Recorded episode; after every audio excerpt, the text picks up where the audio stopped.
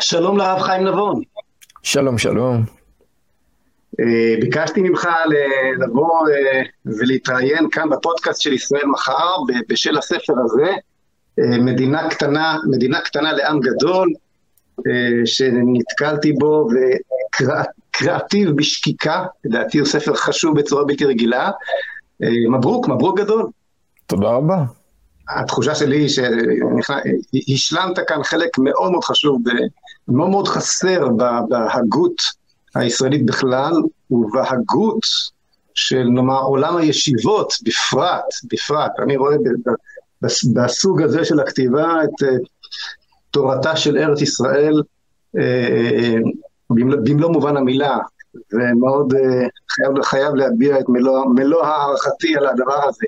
אתה יודע, הרב חיים, הסיסמה שלי אה, ב...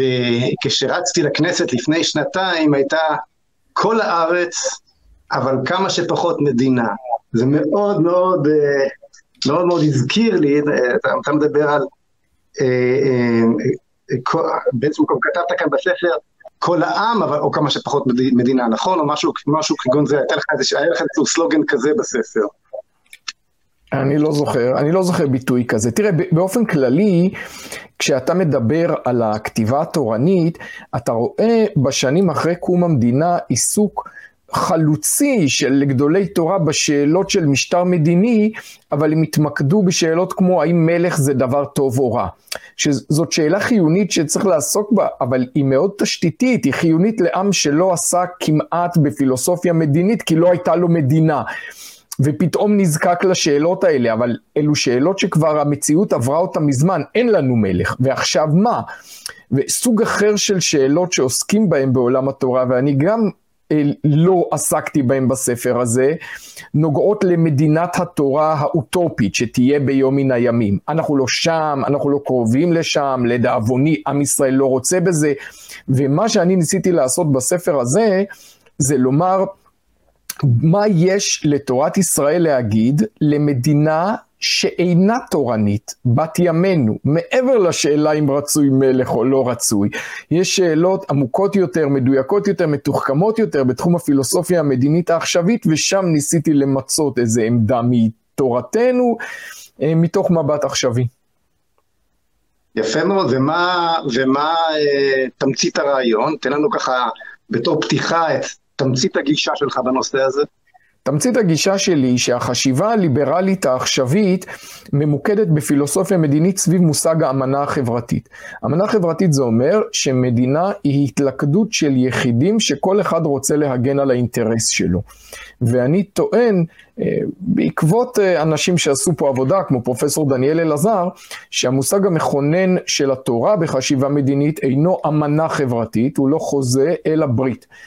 ברית מניחה שעוד יש גוף ראשון רבים שקודם להקמת המדינה. זה לא שסתם אנשים פרטיים באו והחליטו להגן על האינטרסים שלהם באופן קולקטיבי. יש עם, והעם קודם למדינה, והמדינה היא כלי בידיו של העם. ומכאן נגזר מצד אחד שלמדינה יש זהות קיבוצית אה, לאומית מאוד מוגדרת, ומצד שני שהמדינה היא לא הקולקטיב היחיד וגם לא הקולקטיב המרכזי שלנו. יש לנו מעגלי זהות אחרים שקודמים למדינה, משפחה, קהילה, עם, והמדינה צריכה להיזהר שהיא תשרת אותם ולא חלילה תחנוק אותם. אז אתה אומר שאתה בעצם לא מתייחס למדינה האוטופית או למדינת התורה, אלא למדינה העכשווית, אבל למעשה אתה נלחם את מלחמת זהותה, את נשמתה של המדינה הזאת מתוך גישה תורנית, כי הרי מן האבן, מה שאתה עכשיו מתאר, כל מה שעכשיו אמרת, הרב נבון, אה, אלו היו דברים שהיו ברורים מעליהם עד, עד לפני 10-15 שנה, לא? אה, לכולנו היה ברור שיש כאן איזושהי ברית ושאנחנו לא, כאן לא איזשהו סלט של אנשים חסרי, פטריות כמו שאתה קורא להם בספר שלך, פטריות שצמחו ללא שורשים במקרה באגן המזרחי של הים התיכון. ופתאום עכשיו אותן רוחות מובלות כמובן על ידי בית המשפט העליון, השופט ברק וכדומה, וכמובן אה, גורמים אקדמיים ואינטלקטואלים, ספרותיים ואחרים, מנסים לייצר מדינה שכזו. זאת אומרת, אתה לא אומר, אתה, אתה, אתה, אתה בעצם אומר, אני עכשיו נאבק את המאבק, לאן אנחנו הולכים מכאן והלאה, על יסוד הערכים התורניים שאני מביא איתי, או שאני מברר ורוצה איתם ללכת הלאה. תראה, המושג של פטריות, זה מופיע בכתביו של תומאס הובס. ההוגה האנגלי הגדול, כן. שהוא ממייסדי החשיבה המדינית המודרנית. כשהוא דיבר על אמנה חברתית, הוא אמר, אני רוצה לדון במצב הטבעי של בני אדם כאילו הם פטריות שצצו זה עתה. ופטריות הוא לא סתם נקט בדימוי הזה, כי לפטריות אין שורש. ואני אומר, בני אדם אינם פטריות.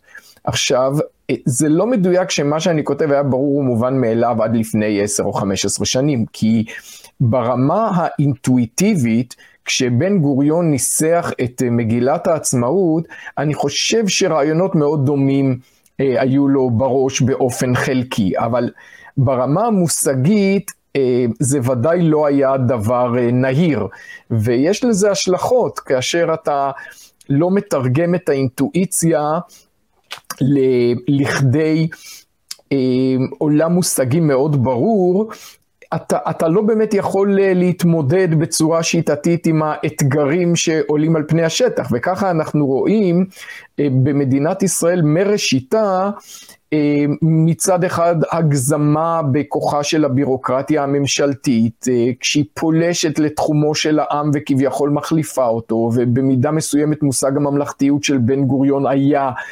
בכיוון הזה. מצד שני אנחנו רואים הרבה ניסיונות לטשטש את האופי הלאומי של המדינה, אה, מתוך שוב, מתוך מחשבה שאם העם הוא לא גורם, אה, הוא לא גורם מרכזי, אם המדינה היא בסך הכל אמנה חברתית, אז היא, היא בסך הכל מדינת כל אזרחיה. וכאן ההנהרה המושגית, אני חושב, חשובה מאוד גם לפעילות המעשית. ובנוגע לשאלתך, על מקומה של התורה, אני מנסה להפיק מהתורה מסר שגם יהודים שאינם שומרי תורה ומצוות ימצאו בו רלוונטיות. וזה כוונתי כשאני אומר שאני לא מדבר על מדינת התורה. כשאם כל היהודים שומרי תורה ומצוות, אז זה ברור שהם פונים לתורה לעצה ולהדרכה, ובכלל בחברה שיש בה קונצנזוס ערכי מאוד מקיף, המציאות גם המדינית אה, תהיה שונה, אבל חברה כמו שלנו, שיש בה גיוון אה, ערכי ורוחני מאוד מאוד גדול, הפנייה שלה למקורות כמו תורת ישראל היא, היא בסוג אחר, אני מקבל את זה. עבור רוב היהודים התורה אינה היום מקור סמכות, זו עובדה שמצערת אותי, אבל היא עובדה ואני מקבל אותה. ומה שאני מנסה לטעון שעדיין יש בתורה תובנות מדיניות שכל יהודי שקשור למורשתו ימצא בהם עניין וטעם. אתה יודע, אני, אני לא בטוח שהתורה היא לא מקור סמכות. במובן הרחב של המילה, התורה היא מקור סמכות אפילו לחוקה האמריקאית. אבל אה, אני רוצה לשאול אותך שאלה קצת להרחיב בעניין, גם מצד התורה וגם מצד המדינה, להרחיב שאלה קצת פילוסופית ש, ש, שמטרידה אותי, מעניין אותי, מעניין אותי לשמוע כמובן מה, איך אתה מיישב איזושהי סתירה שאני תכף, תכף יעלה, ואחר כך נצלול פנימה יותר לנושאים, לנושאים קונקרטיים בתוך, בתוך הספר. אה, אנחנו, אנחנו מנסים פה, אה, אתה, אתה אומר שאתה אתה חוזר ואומר לאורך הספר שאתה אה, מייחל למדינת התורה או למדינת ההלכה, כמו שאתה אתה משתמש לפעמים, לפעמים במושג הזה ולפעמים במושג הזה, אבל, אבל, אבל, אבל אתה מכיר במצב, במצב העכשווי, מכל מיני, מכל מיני סיבות, זה מתייחס למדינה עכשווית. ואני רוצה לשאול אותך משני הכיוונים. האם, קודם כל מכיוונה של התורה, אני למשל בהחלט יכול להבין מדוע הציבור לא רואה בתורה את מקור הסמכות. התורה היא לא תורת ארץ ישראל, תורתנו היא תורת הגלות. תורתנו היא תורת, נקרא לזה, השולחן ערוך. כן, אותה תורה ש... שמיועדת ל, ל, ל, ליחיד, למשפחה, מעט לקהילה, כמו שציינת, היא בכלל לא עוסקת בענייני ריבונות, בענייני, בענייני מדינה, בוודאי לא מאז הרמב"ם כנראה, או כמעט ולא, היא לכאורה אותה תורת גלות, אותה, אותה תורה של אותה גלות שממנה היינו צריכים להתנער, לכאורה משתיהן, כדי, כדי להגיע לכאן ולהקים מדינה. אז זה מצד אחד, כשאתה מדבר על שאתה רוצה מדינת התורה, על איזה תורה אתה מדבר? בוא נתחיל בצד הזה, זה, זה צד uh, מספיק מקיף לעצמו לדבר עליו, אבל לא, תסביר לי. אבל אני באמת, אני רק רוצה להציג כאן איזה הנגדה, שאני רוצה להציג okay. את, אוקיי. את הצד השני של העניין. מנגד ישנה מדינה, כלומר התורה, התורה שאנחנו מדברים לכאורה לא רלוונטית. מנגד, לא רלוונטי מבחינה מודרנית או, או, או, או חילונית. מנגד, או חילונית או לאומית יותר נכון לומר, מנגד, המדינה לא רלוונטית לך ולי כאנשים מאמינים, כי מהי המדינה? המדינה, מדינת ישראל, היא בעצם, כמו שאני קורא לזה, האפליקציה היהודית של הנאורות. זאת אומרת, הרעיון, רעיון הנאורות של הפרדת האל מן המציאות בכלל, כולל המציאות המדינית, כן? למלך לא יכרתו את הראש, את הכנסייה שלחו לעסוק בענייני שמיים, ועכשיו האדם הולך בזכות תבונתו אה, באמצעות הפרלמנט, ולא דרך אה, המלך שלאברהם היה שייך קודם לכן, כלומר האדם הפך עצמו לסוג של אל, כן, הוא הריבון, וזהו היסוד למדינת הלאום המודרנית. ובכן, אנחנו מדברים על כלי שכל כולו כפירה. אז מצד אחד יש לנו תורה שהיא לא רלוונטית לאדם הלאומי המודרני, מצד שני יש לנו מדינת לאום מודרנית שהיא לא, לא רלוונטית לאדם המאמין. איך אתה בכלל מיישב בין הסתירה הזאת, בין הסתירות הללו? איפה זה נפגש? איפה שני הצדדים הללו יכולים בכלל להיפגש?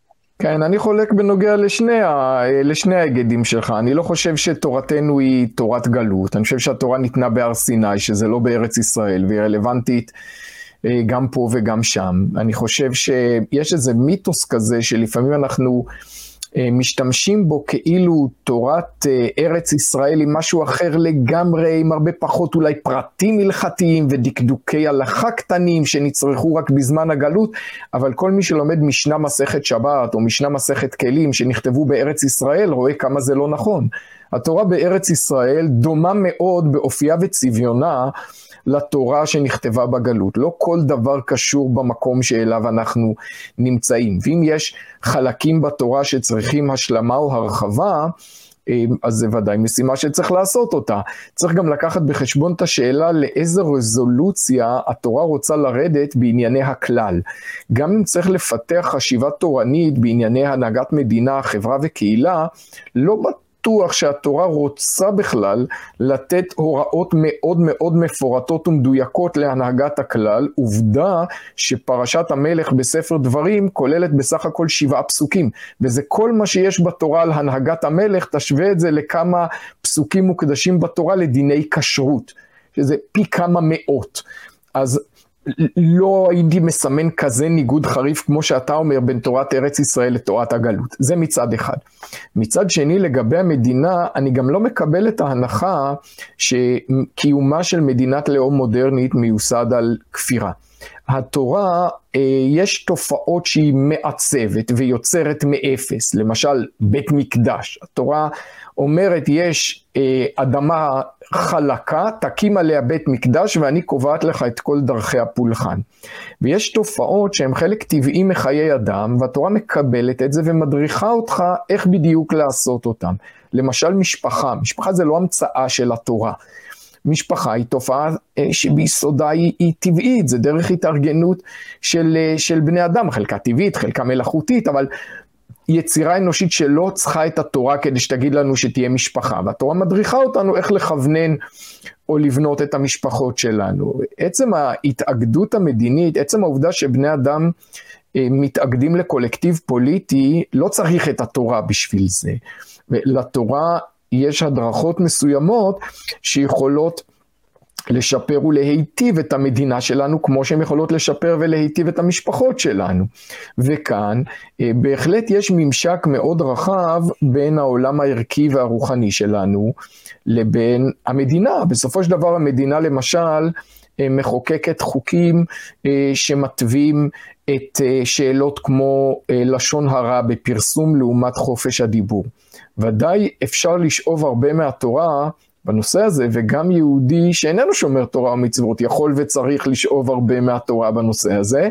בספר ניסיתי קודם כל לגעת ברובד יותר תשתיתי, מה בכלל הבסיס הערכי לעמידה של אזרחים מול מדינתם, לפי החשיבה המדינית של התורה.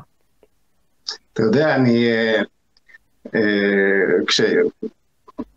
לקראת התמודדות, התמודדותה של מפלגת אה, זהות לבחירות, כן, בסבב, מה זה, הראשון מבין הארבעה שבתוכם אנחנו נמצאים כרגע לפני, לפני שנתיים, כן?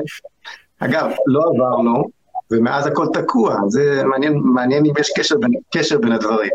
בכל אופן, הוצאנו את ספר המצע של זהות, אני מניח שנתקלת בו, אה, ואני מרגיש שבמובנים רבים הספר שלך מניח תשתית אינטלקטואלית לעצם הצורך והחשיבה, ומבחינה הזו באמת קפצתי לספר הזה כמוצא של הרב, אני רואה בו התפתחות מאוד מאוד חשובה.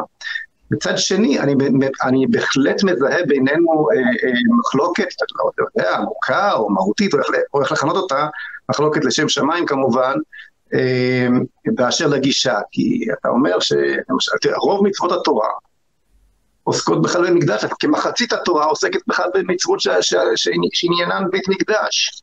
אה, בית מקדש זה רק בארץ ישראל. כל העניין הזה של הממלכתיות היהודית או העברית או הישראלית, כן, אה, ישנה תכלית, ישנה תכלית, ישנה, ישנה איזושהי בשורה שהיא זו שנותנת טעם ותוקף וצידוק לקיומה.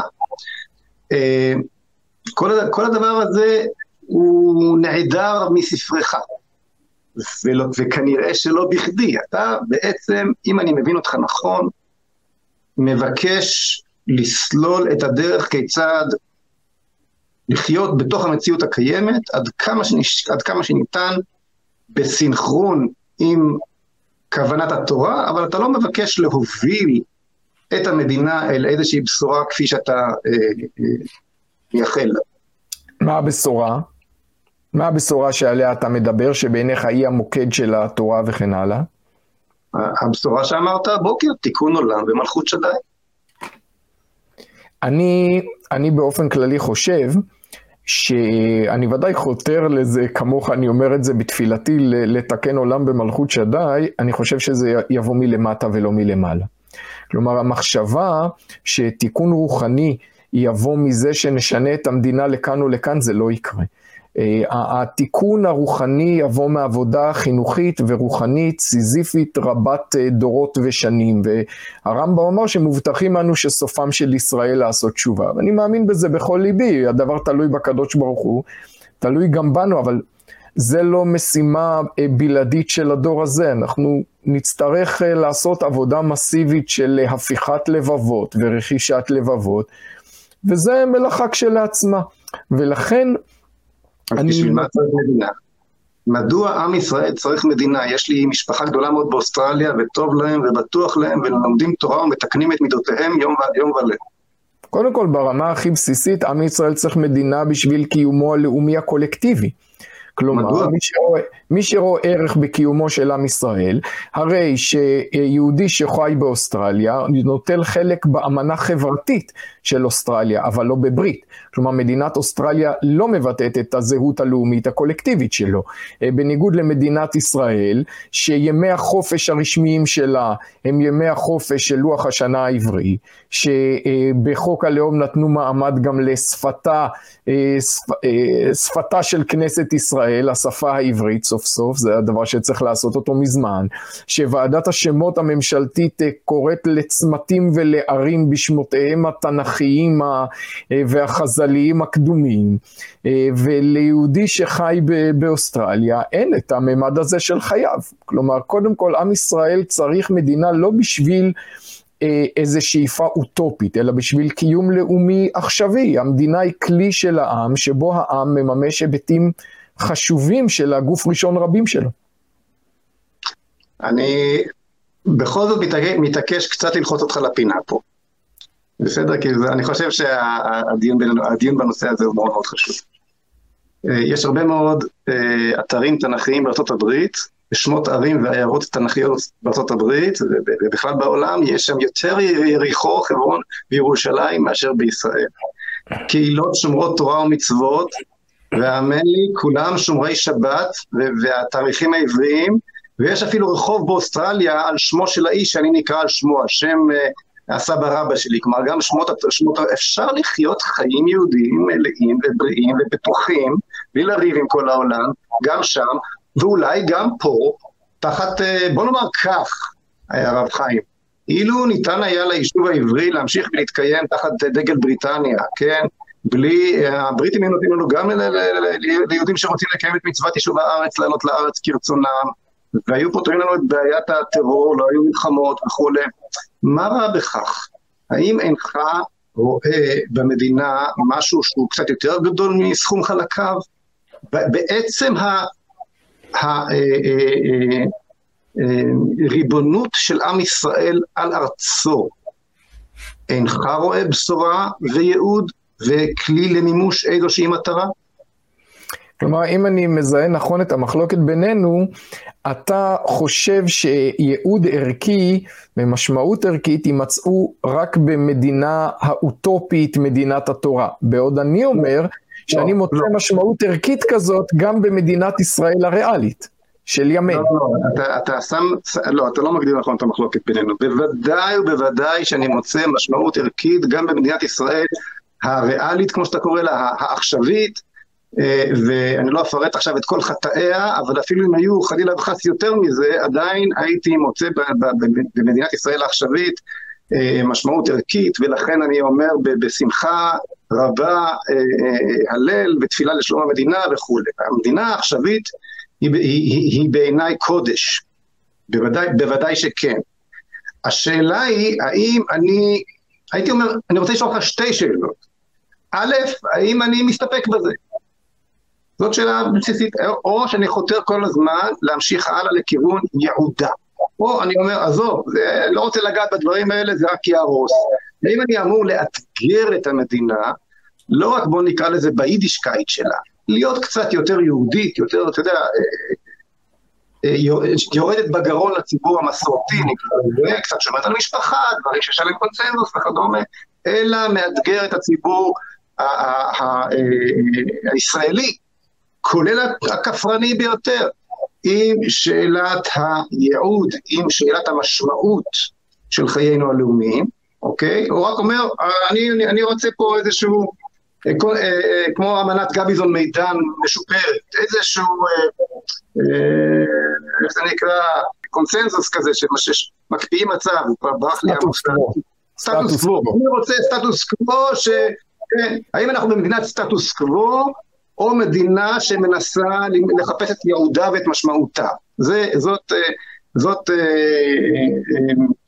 אה, הנקודה המרכזית, ואני מתכוון גם להוביל את, ה, את הדיון לשאלה נוספת, לשאלה מה, מה חובתנו כלפי המדינה הזאת, אבל זה, תכף נדבר בהמשך.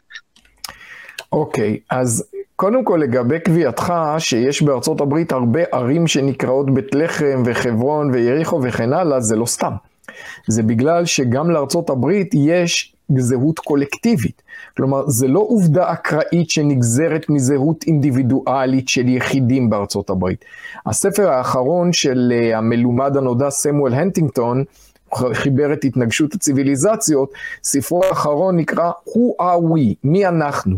ובעצם מה שהוא טוען בספר הזה שתפיסת האמנה החברתית המצומצמת היא לא נכונה גם ביחס לארצות הברית. גם הברית היא לא רק התלכדות של אינדיבידואלים שמחפשים אינטרסים. יש לה זהות קולקטיבית שהייתה מאוד ברורה למקימיה, והזהות הקולקטיבית הזאת היא תנכית נוצרית, ולכן אתה מוצא שם ערים כאלה. אז מי שדעתו נוחה בזהות הזאת, שהאמת שהיום היא די מדולדלת מרשות הרבים האמריקאית, אז, אז חי שם בשמחה רבה. אה, ומי שמחפש זהות קולקטיבית יהודית, אה, מדינה שסמלה הוא מנורת המקדש ודגלה הוא הטלית, ואם נונה מדבר על אה, נפש יהודי הומייה ומחויבת ברשות הרבים שלה לערכיו ולזהותו של העם היהודי, ימצא את זה פה. אבל אני רוצה להדגיש שאני כן אורג לעולם יותר מתוקן, אני פשוט לא חושב שזה יקרה מלמעלה למטה. כלומר, המהלך, האתגר הרוחני שאני מציב לעצמי ואולי גם לסביבתי, הוא לא בוא נהפוך את המדינה למדינה משיחית, יהודית, תורנית. אני אומר, בוא נהפוך בני אדם ליהודים עובדי השם. כשכל היהודים ירצו לעבוד את הקדוש ברוך הוא, זה ישפיע גם על דמות המדינה שלהם, אבל זה נראה לי משני בהשוואה למהלך קודם כל של, של הפיכת הלבבות, ולכן אני אומר, כל עוד זה לא קורה, כל עוד התהליך החינוכי האיטי והארוך הזה אה, איננו מבשיל, כל החזון של מדינת התורה הוא לא רלוונטי, ומה שכן רלוונטי זה לדבר על משמעות ערכית שיש למדינת ישראל אה, כהיום הזה, אני לא מזלזל בדברים שאתה דוחה אותם כקטנים או כסטטוס קוו, אני חושב שקורה מסביבנו דבר גדול, והוא יכול להיות עוד יותר גדול ועוד יותר טוב במידה שאנחנו נפענח אותו כמו שצריך. אני, תתפלא אולי, אני בוודאי מסכים איתך שהדברים צריכים לבוא מלמטה למעלה. אני זוכר ששאל אותי פעם, לפני הרבה שנים, עיתונאי, עיתונאי בכיר, אה, תגיד לי, מה, מה, אה, איך אתה מצפה שאני בכלל אקשיב לך אם uh, אתה רוצה בית מקדש, אתה מכריז על כך שאתה רוצה בית מקדש, איך, איך אתה מצפה שאני בכלל אתחיל אה, אה, להקשיב לך. אה, אז אמרתי לו, אני מאוד רוצה בית מקדש, אני יודע שהוא לא יהיה עד שגם אתה תרצה. והתפקיד שלי הוא לגרום לך לרצות. כלומר, אנחנו נמצאים באותו צד, הרב נבון, אנחנו לא נמצאים באיזשהו מקום שמישהו... אני, אני, מי שמכיר את אותי ואת משנתי יודע שאני האחרון שחושב שהדברים צריכים לבוא מלמעלה למטה, ושבאמצעות המדינה לכפות שום דבר כמעט על, על אזרחיה. בעניין הזה אולי, אני, אולי, אני אולי הרבה יותר מלמטה ממך, אבל אה, אה, אה, כאשר אתה אומר שאני מדבר על אה, להתנחל בלבבות, כן, אני זוכר שכשהתחילו לדבר ביהודה ושומרון, ראשי המתנחלים על אה, יש צורך להתנחל בלבבות, בו בשלב ההוא פחות או יותר נגמר מפעל ההתנחלויות, מאז אין יותר התנחלויות. כלומר, ההתנחלות בלבבות, כמו שאתה קורא לכך, היא, היא באה מתוך עשייה והסדרה והאומץ להציב חזון.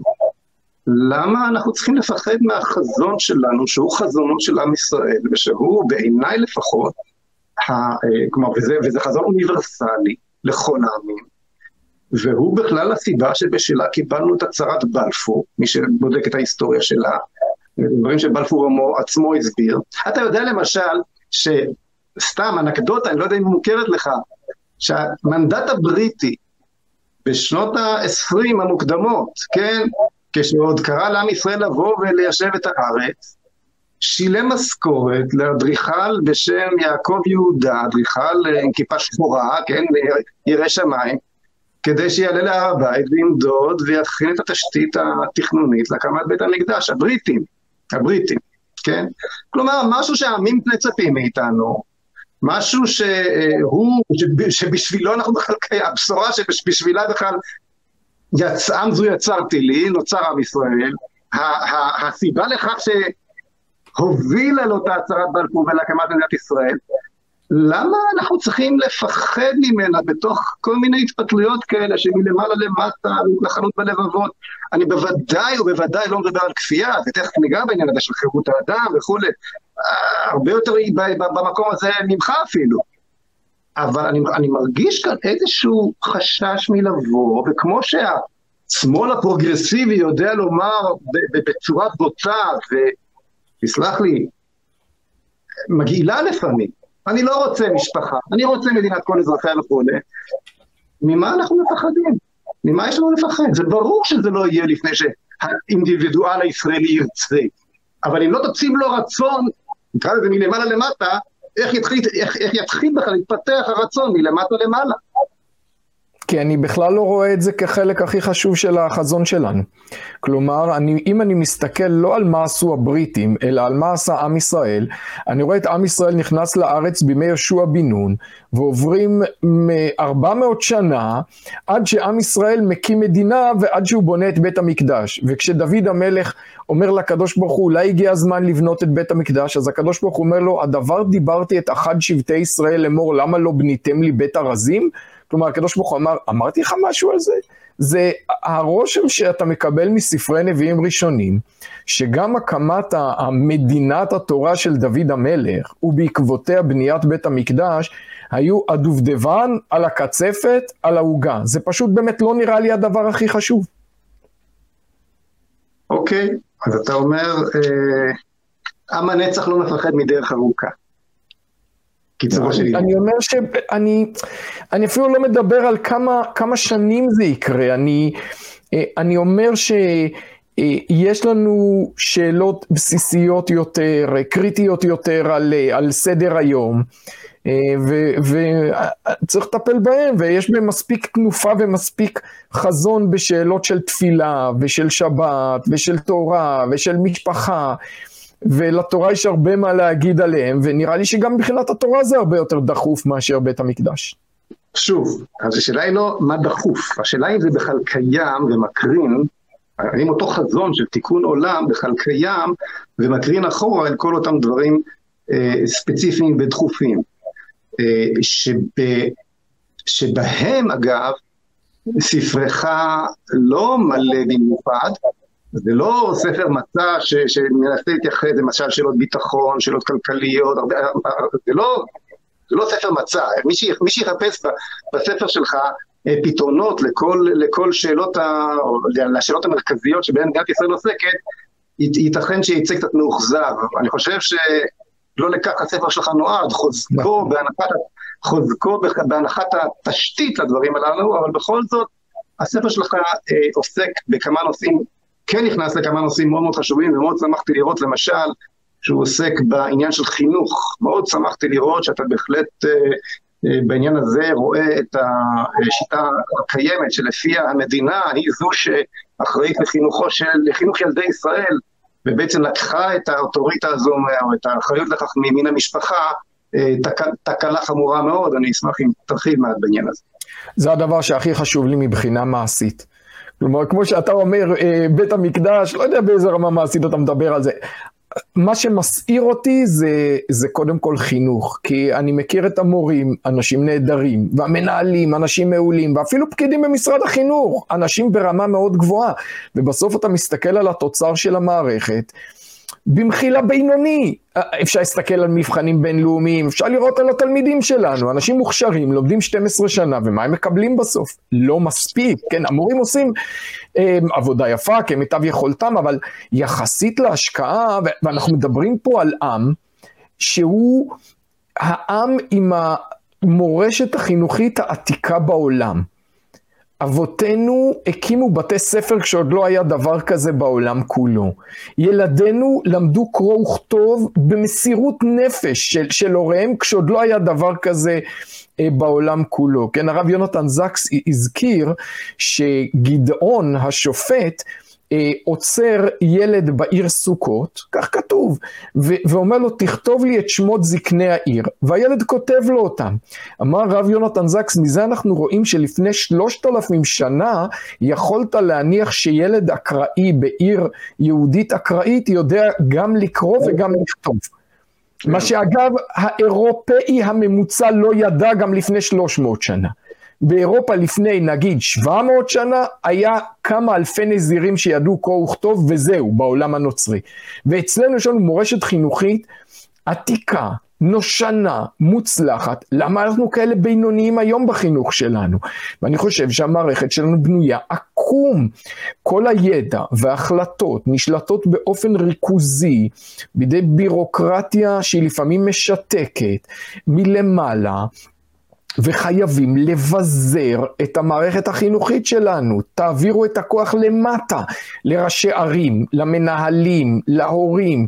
תנו לכל הורה לקבוע לאיזה בית ספר הילד שלו ילך. תנו לכל מנהל לקבוע את סדר הלימודים בבית ספר שלו. תנו לו לקבוע מי ילמד בבית ספר שלו. תנו למורים לקבוע את שיטת הלימוד.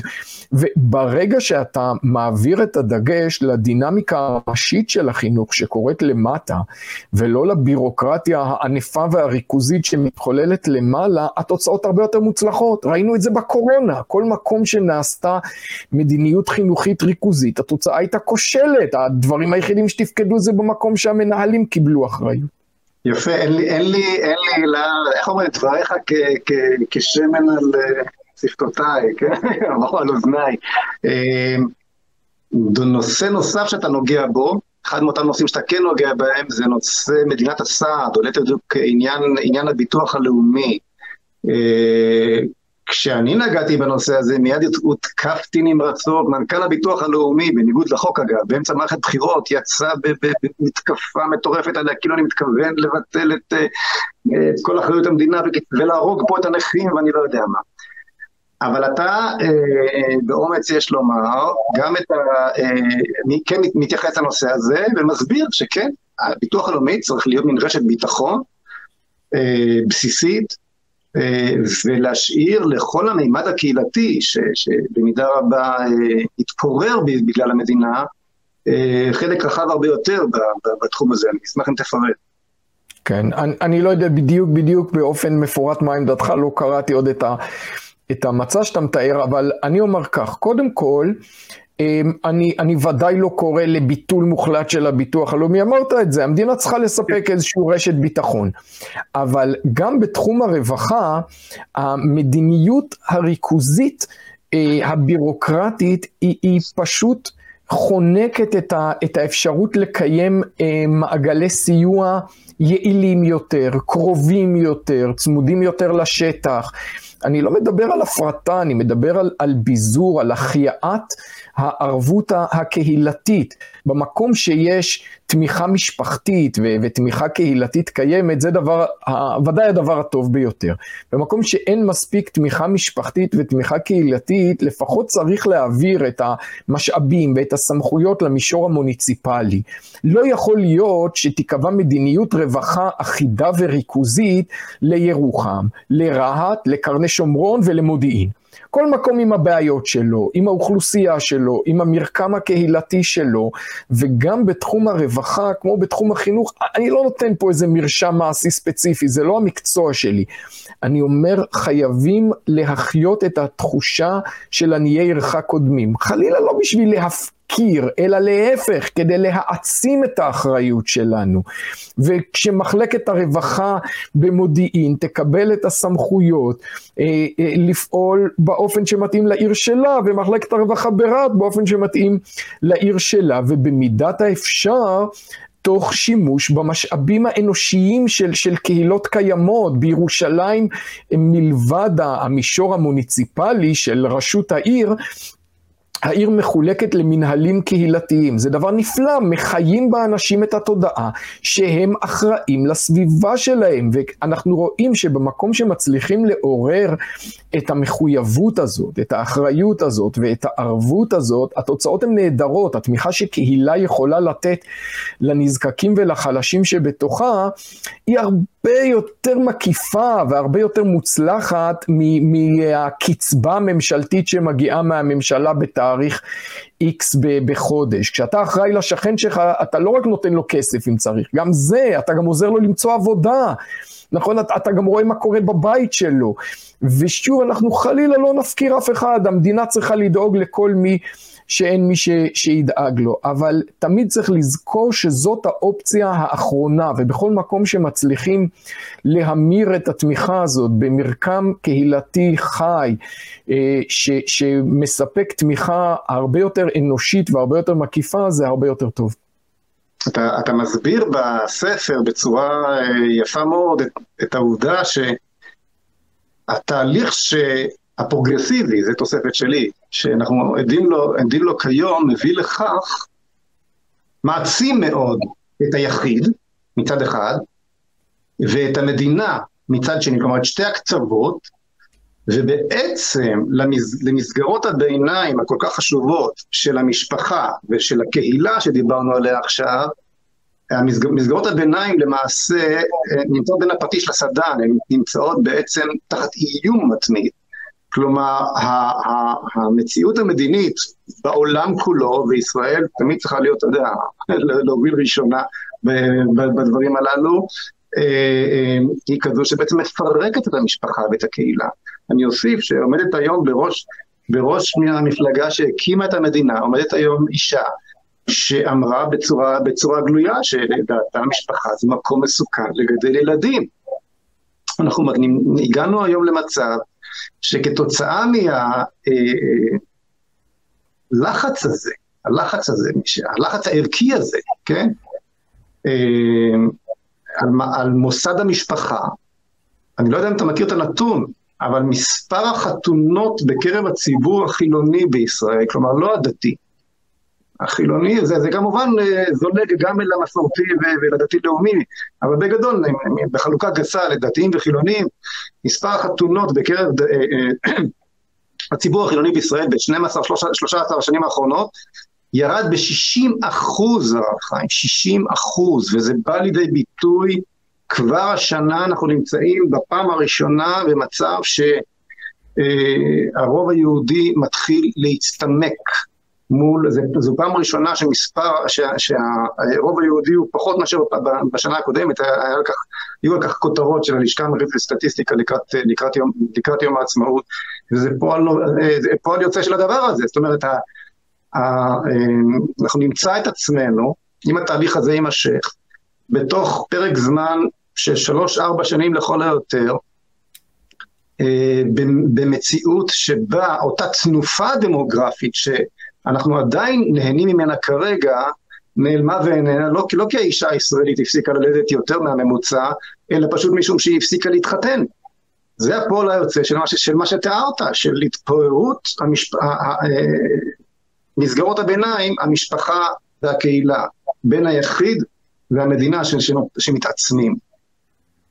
כן, אז תראה, אה, הנתון על 60 אחוז ירידה בחתונות של חילונים זה אני לא מכיר. הנתונים האחרים, אני חושב שצריך לדייק בהם אולי קצת. קודם כל, אנחנו נמצאים בתהליך של אה, כבר 200 או 300 שנה, שבאמת אנחנו רואים התעצמות של שני הקצוות, האינדיבידואל והמדינה, וריסוק של המסגרות, של המסגרות באמצע.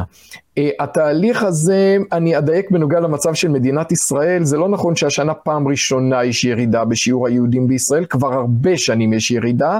השנה רק אנחנו הגענו למספר הנמוך ביותר, שיעור, אחוז נמוך ביותר של יהודים במדינה מאז הקמת המדינה, פחות מ-70 כן, כן.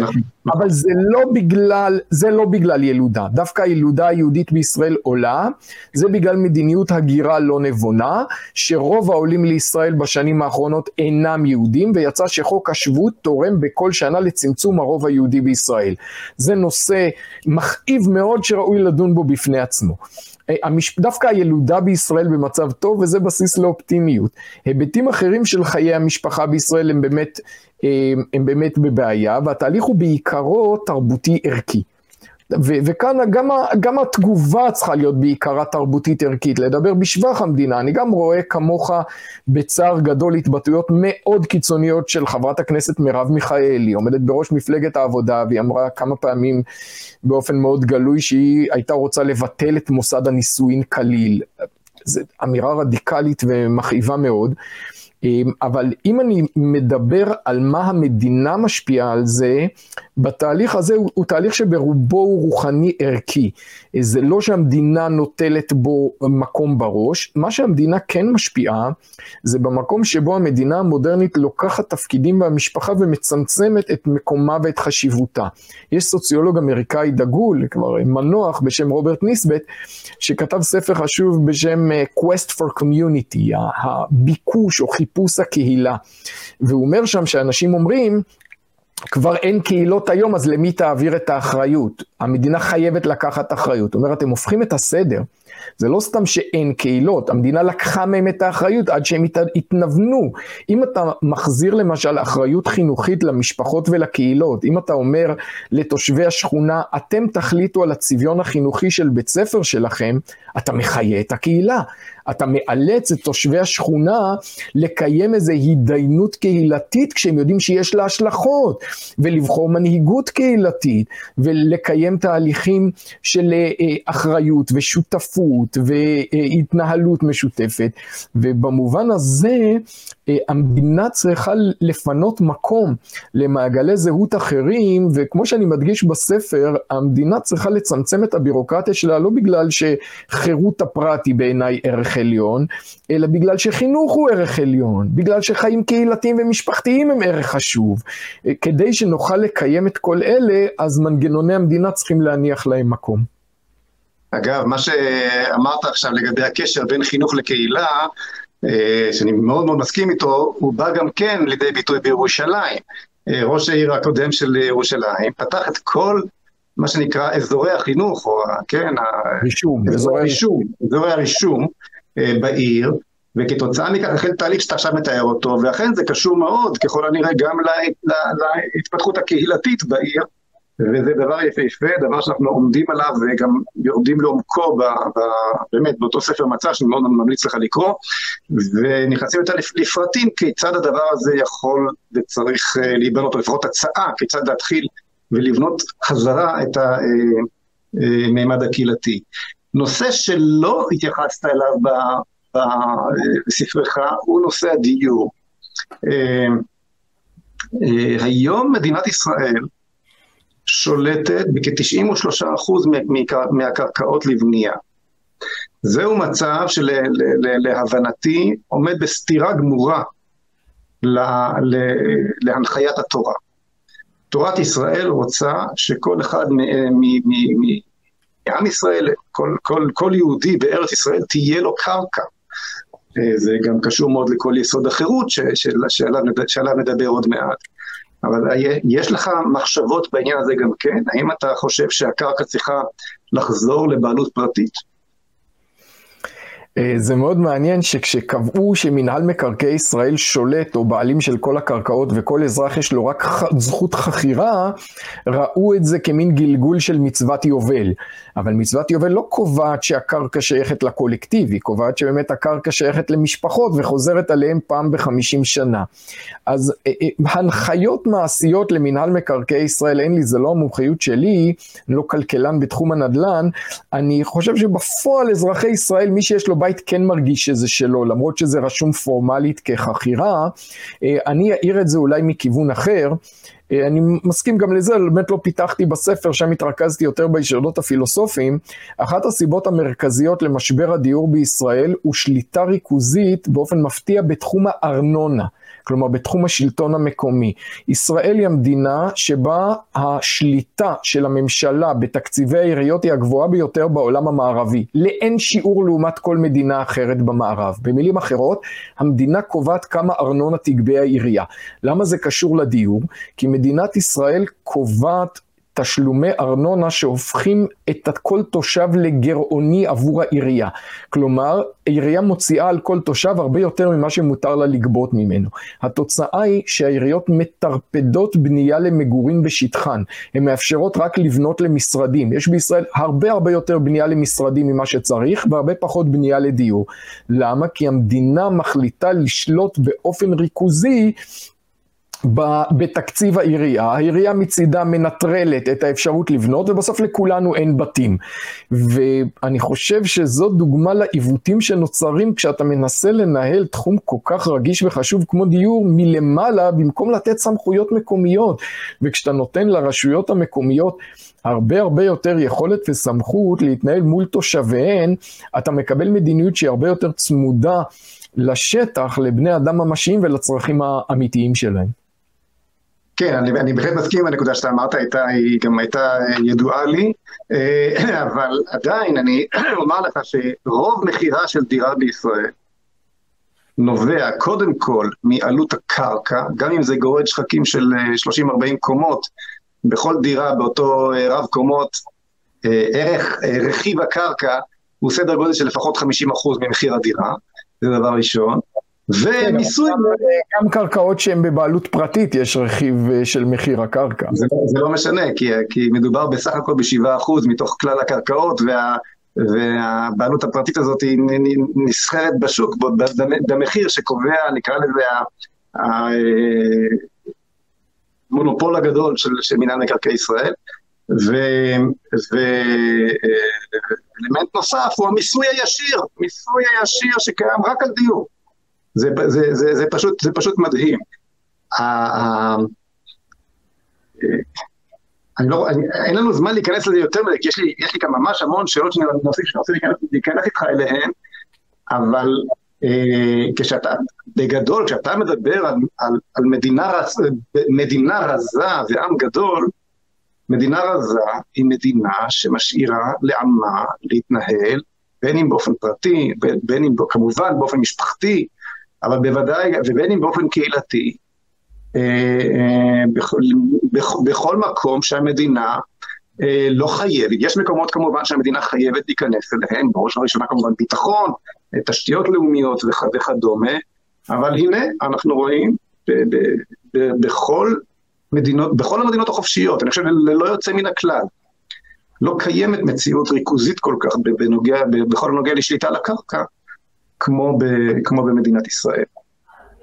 אה, נושא אחר, הרב חיים, דת ומדינה.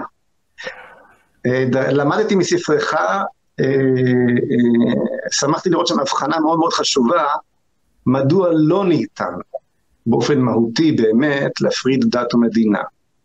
אתה מדבר יותר על הפרדת הממסד הדתי, נקרא לזה, מהמדינה, אם הבנתי אותך נכון.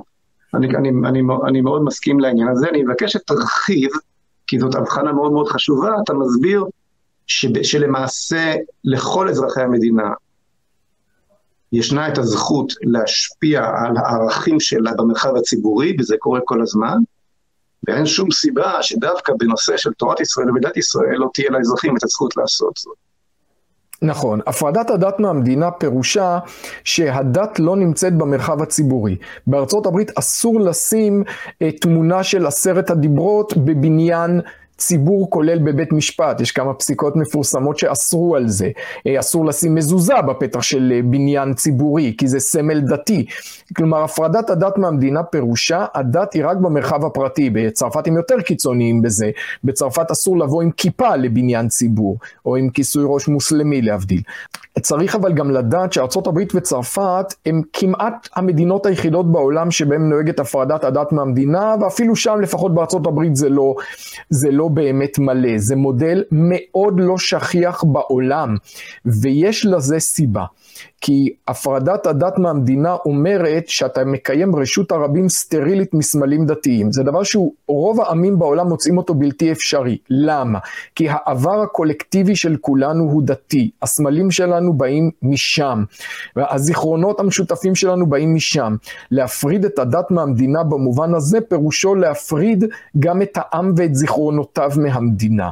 כי אין לנו מקור אחר. שוב, אה, אני מזכיר שלצמתים בישראל קוראים בשמות דתיים. צומת מסובים על שם רבי עקיבא וחבריו שהיו מסובים בבני ברק, וצומת תשבי על שם אה, אליהו הנביא, אה, וצומת סומך על שם רבי יהודה בן בבא שמסר את נפשו כדי לסמוך תלמידי חכמים מול גזרות הרומאים, וכן הלאה, וסמל המדינה, ודגל המדינה, והמנון המדינה, והרב הצבאי הראשי ותפקידה, החיים שלנו ספוגים אה, בסמלים יהודיים ובלוח השנה העברי, ואם אתה מנקה את כולם, תישאר בלי שום זהות לאומית קולקטיבית. עכשיו, חבריי החילונים אומרים לי, אני מפרש את הסמלים הדתיים האלה פירוש תרבותי. בסדר גמור מבחינתי. אני רק אומר, הברית זה לא היה עובר. במקום שיש הפרדת הדת מהמדינה, אסור לשים תמונה של עשרת הדיברות בבית משפט, בין אם תפרש אותה פירוש תרבותי ובין אם פירוש אחר. הפרדת הדת מהמדינה פשוט לא רלוונטית, בטח לא למדינת ישראל. מה תעשה עם הדגל של המדינה הזאת, כן? וכנגד זה, הפרטת שירותי הדת היא דבר שבהחלט צריך לעלות לדיון ובעיניי אפילו מועיל אה, בהרבה מאוד תחומים. כלומר, אין שום סיבה ששירותי כשרות יהיו ממשלתיים. זה לא היה בזמן דוד המלך, דוד המלך לא נתן כשרות לדוכני פלאפל.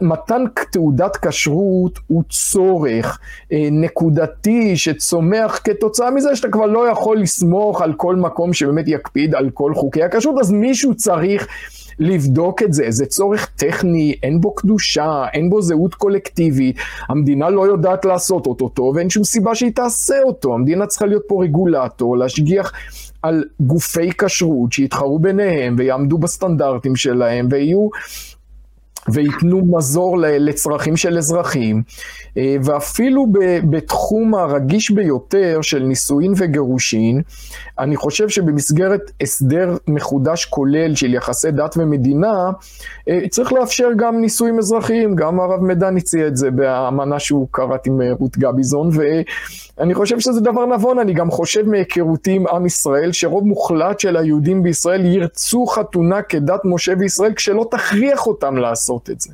אמרו לי את זה מפורש לא פעם, אה, זוגות ובודדים שפגשו אותי, אמרו לי, אילו יכולנו להתחתן כדת משה וישראל בלי אה, המדינה באמצע, כלומר, בלי שהמדינה כופה את זה עלינו, היינו מעדיפים זאת מכיוון שלא יכולנו, העדפנו את הנישואים האזרחיים.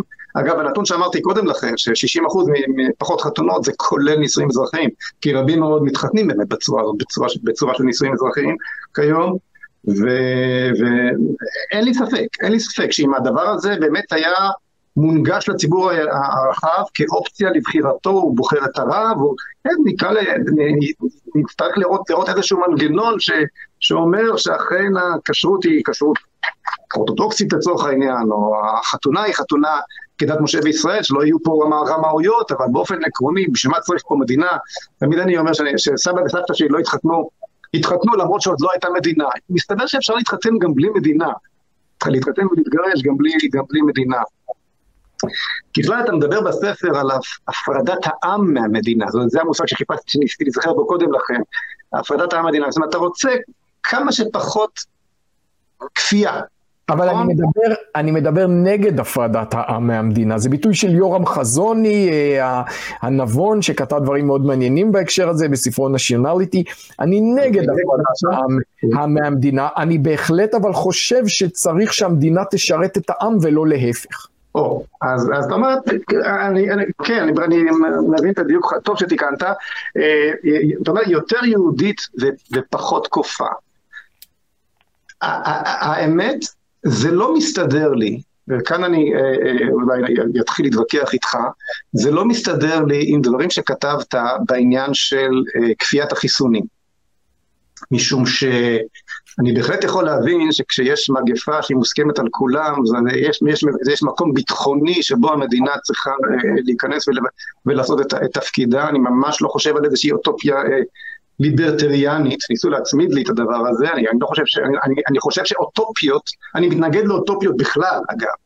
אוטופיה של בית מקדש, שהזכרתי אותה קודם, צריכה להיות כאיזשהו חזון שלא לא מפחדים ממנו ומתקדמים לקראתו, אבל בוודאי לא משהו שאתה יכול להנכיח, להנכיח בכפייה, דברים כאלה תמיד, תמיד גומרים לא טוב, זה ברור.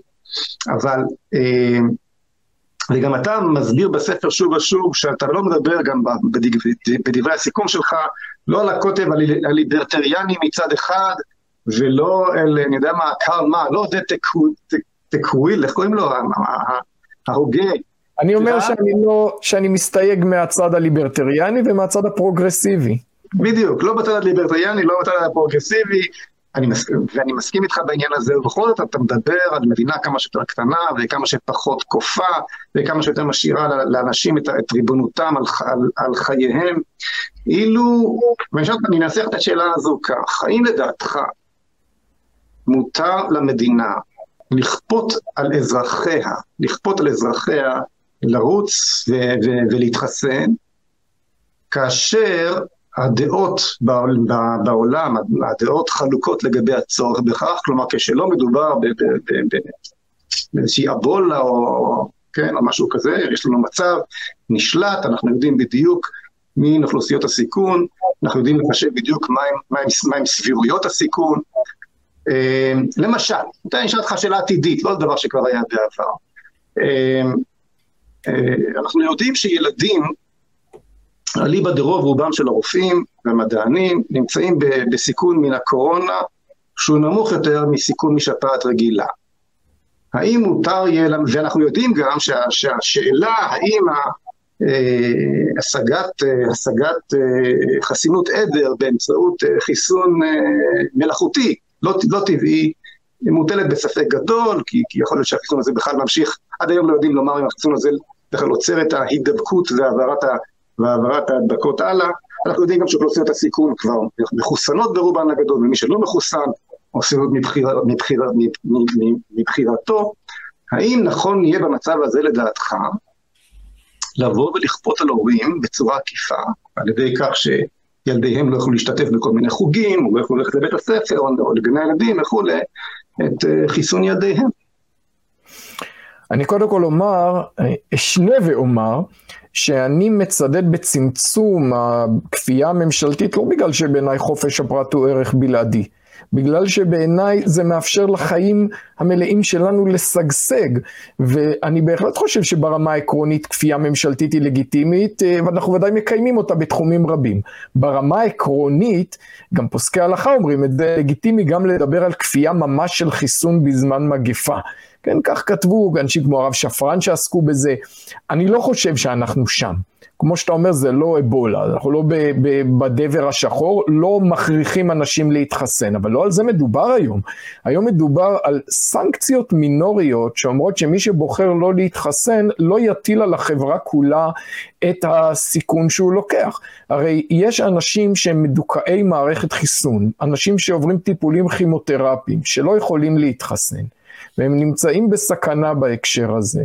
מי שבוחר לא להתחסן הוא אדם שבעצם בוחר ליהנות מחסינות העדר של אחרים, שכן ייקחו חיסון, ולא להיות שותף למאמץ הזה. ולגיטימי, בעיניי אפילו מתבקש, שהמדינה תטיל עליו לשאת את המחירים של ההחלטה שלו לאמור, אתה לא רוצה להתחסן, אז לפני שאתה נכנס אה, למקום המוני, תעשה בדיקה להראות שאתה לא, שאתה לא מדביק אף אחד. זה בעיניי בהחלט לגיטימי, אה, אף אחד לא יכול לטעון לאיזה אינדיבידואליזם קיצוני כשמדובר על מחלה מידבקת.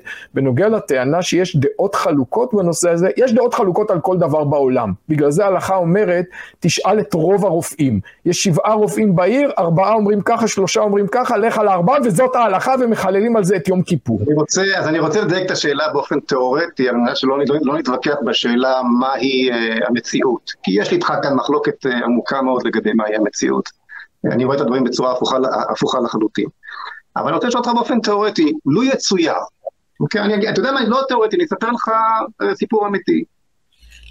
פניתי לאדם שאני מאוד מאוד מעריך אותו, גם מבחינה אקדמית וגם מבחינה תורנית, ושאלתי אותו אה, איך הוא, יכול, איך הוא חי עם הדבר הזה של, אה, של, של הדרכון הירוק, הדרכון הירוק. הרי, הרי כל בר דעת מבין שמי שיתחסן, אתה לא מסכן אותו.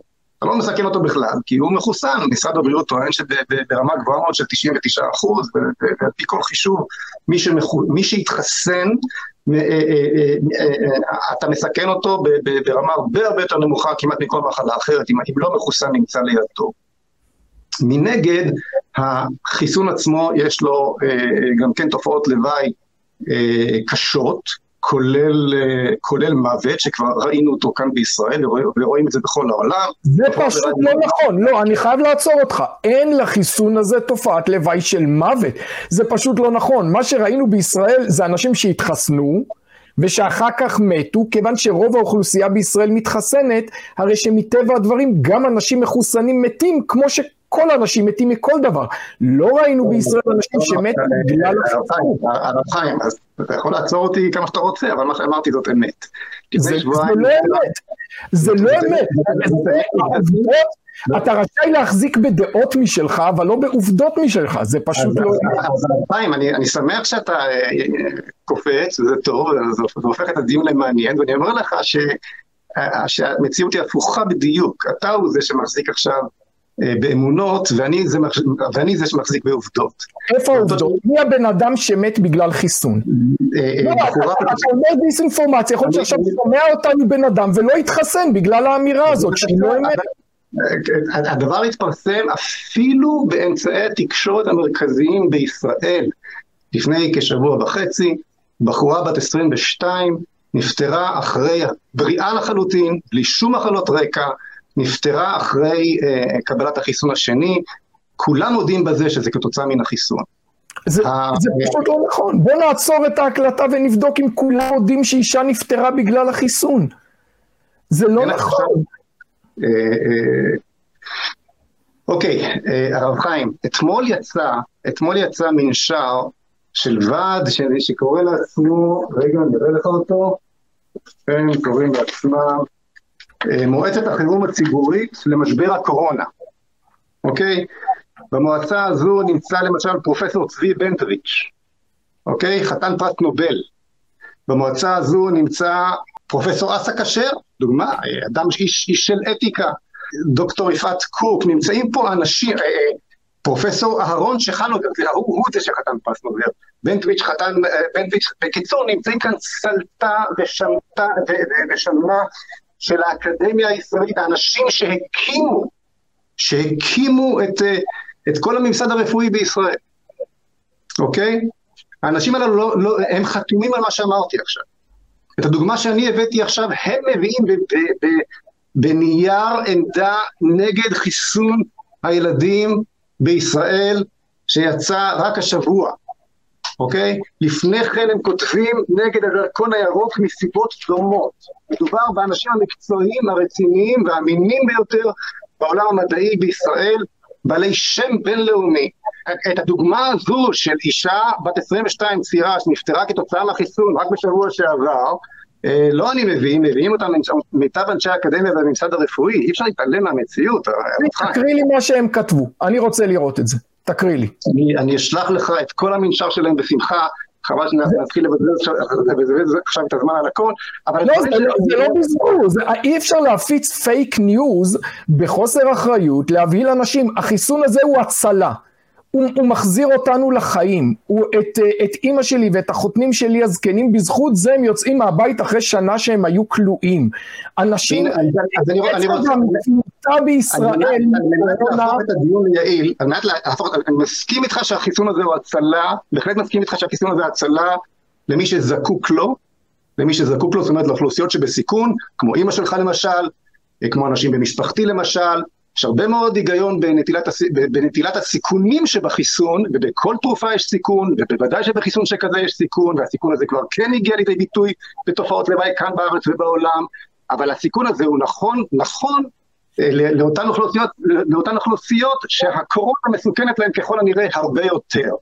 השאלה עכשיו שלי היא כזו, אה, אה, המדינה החליטה מסיבותיה שלה, על סמך ייעוץ מקצועי, אני מסכים איתך, על סמך ייעוץ מקצועי של מי שהמדינה בחרה אה, אה, לקחת, המוסדות הרשמיים בחרו באופן רשמי את, את הייעוץ הזה, היא החליטה שהיא רוצה לבחור בשיטה של חיסון עדר כולל לכל, ל, ל, ל, ל, לכל אזרחיה, כולל, כולל אלו שלא נמצאים בסיכון. שוב אני אומר, מי שבסיכון כבר מחוסן, אלא אם כן באופן וולונטרי לא מעוניין בכך.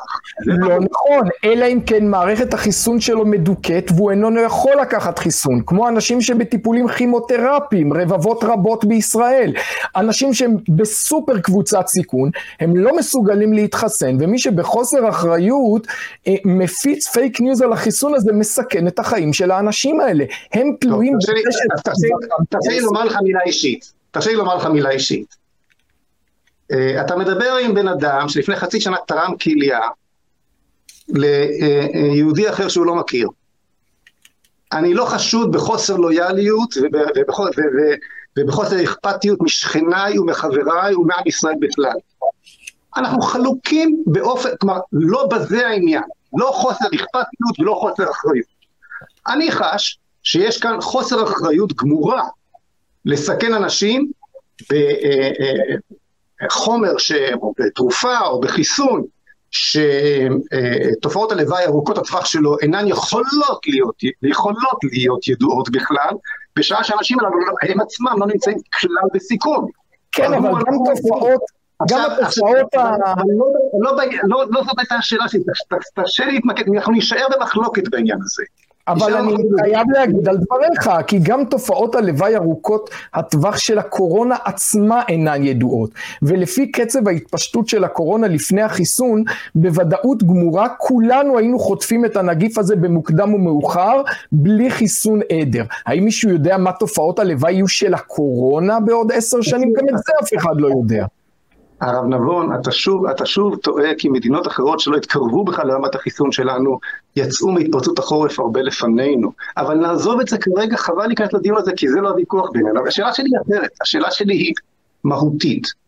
עד היכ, ואני רוצה לחזור לעניין שבו אתה, שבו אתה עוסק ובו אתה מתמחה, ולכן התכנסנו כאן היום, אחרת הייתי מדבר עכשיו עם איזשהו רופא ומתווכח איתו. אה, או לא מתווכח איתו. השאלה שלי היא אחרת. עד היכן מגעת זכותה של המדינה לכפות. ואיפה, מה אחריותנו שלנו כאזרחים כלפי המדינה? היכן אה, תילחם על חירותו של האזרח, והיכן תמתח את הגבול. זאת, זאת, זאת השאלה שלי.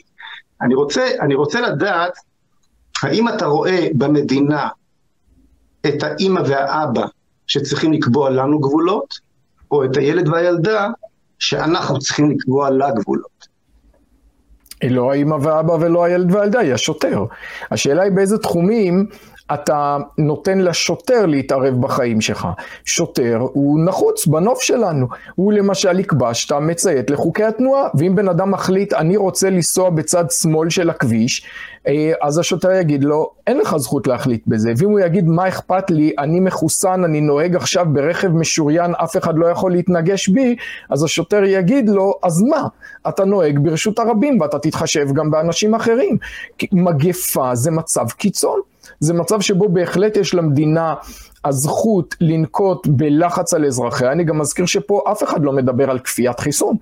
מה שאנחנו מדברים זה על השאלה האם האדם שלא מתחסן יישא בתוצאות בחירותיו. לא שמישהו ייקח אותו בכוח כשהוא אזוק בידיים וברגליים וינעץ בו מחט, לא על זה אנחנו מדברים. האם, האם מותר היה למדינה לגרש ולהחריב את בתיהם של תושבי גוש קטיף? כי הגיעה למסקנה שכך היא תגיע לשלום, למשל. אה, עד כמה שכואב לי הדבר, אני חושב שבאופן עקרוני זה מותר. כלומר, זאת הייתה החלטה מטופשת ומרושעת בנסיבות העניין. אבל אם אתה שואל אותי באופן עקרוני, אני חושב שלמדינה עומדת גם הזכות לגרש או להחריב בתים של אזרחיה כמו שהיא עשתה בגוש קטיף, כאשר המדינה מגיעה למסקנה שזה הכרחי כדי להגן על המדינה כולה מבחינה ביטחונית. שוב, היישום הספציפי של זה בהתנתקות אמ, היה מעשה עוול אה, מרושע בזמנו, אבל זה בעיניי כן בתחום סמכותה של המדינה. וחייל שקיבל פקודה לבצע את הדבר הזה, צריך לבצע את זה לדעתך. כן, לדעתי כן, לדעתי אה, מגיע אה, אות כבוד לחיילים שלא מרדו ולמתיישבים שלא הרימו נשק בתקופה הזאת, כי זה מה שהציל אותנו. למרות שהנזק של ההתנתקות היה עצום, הנזק של מרד בתקופה הזאת היה... אמ, היה עצום יותר. שוב, זה לא סותר את זה שהיה מדובר בצעד טיפשי, אבל לממשלה יש הסמכות להחליט גם על צעדים טיפשיים, כל עוד הם נוגעים לליבת העיסוק שלה. לממשלה יש סמכות גם להכריז על מלחמה, גם אם לפעמים ההחלטות שלה טיפשיות, זה בתחום סמכותה. וזה מסוכן יותר מאשר לגרש אנשים. אה, טוב, בזה אני כמובן, כמובן מסכים איתך, אבל כמובן, לא, לא דיברתי על לאחוז בנשק, דיברתי על אה, אי ציות פסיבי. אי ציות פסיבי, בלתי אלים, אתה חושב שגם זה לא היה נכון וחייל היה צריך לבצע את, את הפעולה הזאת. אני חושב שתראה, אני לא... בסופו של דבר, החיילים שהיו... אה, מאוד קרובים לעניין רגשית, אה, לא היו בקו הראשון, וזו הייתה מדיניות נבונה מאוד, אבל אה, אה, סרבנות המונית הייתה עלולה אז להחריב את הצבא, ואני שמח שלא הגענו לידי כך. טוב, אז ביררנו את נקודות ההסכמה בינינו, ואני חושב שהספר שלך באמת, אם, אם, אם, אם, אם יורשה לי, אם יורשה לי ל, ל, ל, להתחיל לסכם, הספר שלך באמת הוא ספר חשוב בצורה בלתי רגילה, וחשוב מאוד שציבור ש, שמבין את הצורך להתחיל לייצר תשתית של, של הגות יהודית, הגות תורנית, מאחורי עמדותינו המדיניות, כלפי איך המדינה בכלל צריכה להיראות, הספר הזה מניח תשתית אינטלקטואלית חשובה ביותר. אני חושב שביררנו בצורה מאוד מאוד ברורה גם את הנקודות שבהן אה, אנחנו חלוקים. אני חושב שהמדינה היא הילד והילדה, היא הילד היקר שלנו, ככה אני מתייחס אליה. אני אוהב את ילדיי, ואני חושב שכשאני אה, אה, לא קובע להם גבולות, לא זו בלבד שאני לא אה, מיטיב איתם, אלא אני מחריב אותם. אני חושב שבכך שחיילים צייתו לאותה, לאותה פקודה, הם במובן רב דרדרו את המדינה הרחק לאחור, כתוצאה מכך שחיילים צייתו. אה, היום תל אביב מופגזת על ידי החמאס מעזה, וזו דוגמה קטנה מאוד, המצב עוד חמור הרבה יותר מזה. אה, אני חושב שאי ציות פסיבי קיים כל הזמן, כל יום, שעה-שעה, על ידי, על ידי אזרחי המדינה, רוב החוקים בספר החוקים הישראלי הם, הם, אות מתה, רק חוק שמצייתים לו הופך לחוק באמת. אני חושב שהגירוש קרה, ואת זה אמר לי במפורש עמרי שרון בזמנו, כשעוד הייתי חבר מרכז הליכוד, כן, אמר לי, אנחנו, אנחנו נעשה את זה כי אנחנו יודעים שהם יצייתו, ולכן זה בכלל קרה מלכתחילה. כלומר, יש דיאלקטיקה בין החקיקה לבין הערכת המחוקקים והמדינה שהציבור הולך לקיים את אותו חוק, לא רק שהדיאלקטיקה הזאת, אה, כשהיא לא קיימת, אה, לא שומרת על הגג שלא ייפול לנו על הראש, היא זו שמפילה לנו על הראש. אנחנו צריכים להישאר, אני, אני רואה במדינה ערך חשוב, אני רואה במדינה כלי קודש של ריבונות עם ישראל בארצו, ויחד עם זאת אני חושב שכל הזמן אנחנו צריכים לפחד מפניה, זה דבר שלצערי אתה לא מזכיר ב, ב, בספר מספיק, ולהישמר מפני עוצמתה הבלתי נדלית והבלתי נגמרת, כי כמו שכן ציינת בספר, לא זוכר את הציטוט של מי ציטטת שם, שטיבם של אנשים, טיבם של אנשים, אינו משתנה כשהם עוברים מאנגליה לאמריקה, הוא קיים משני, משני עברי האוקיינוס, הם חפצים בכוח, רוצה עוד כוח.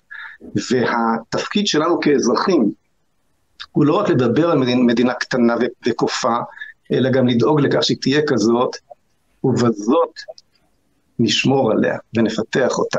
זו דעתי בכל אופן.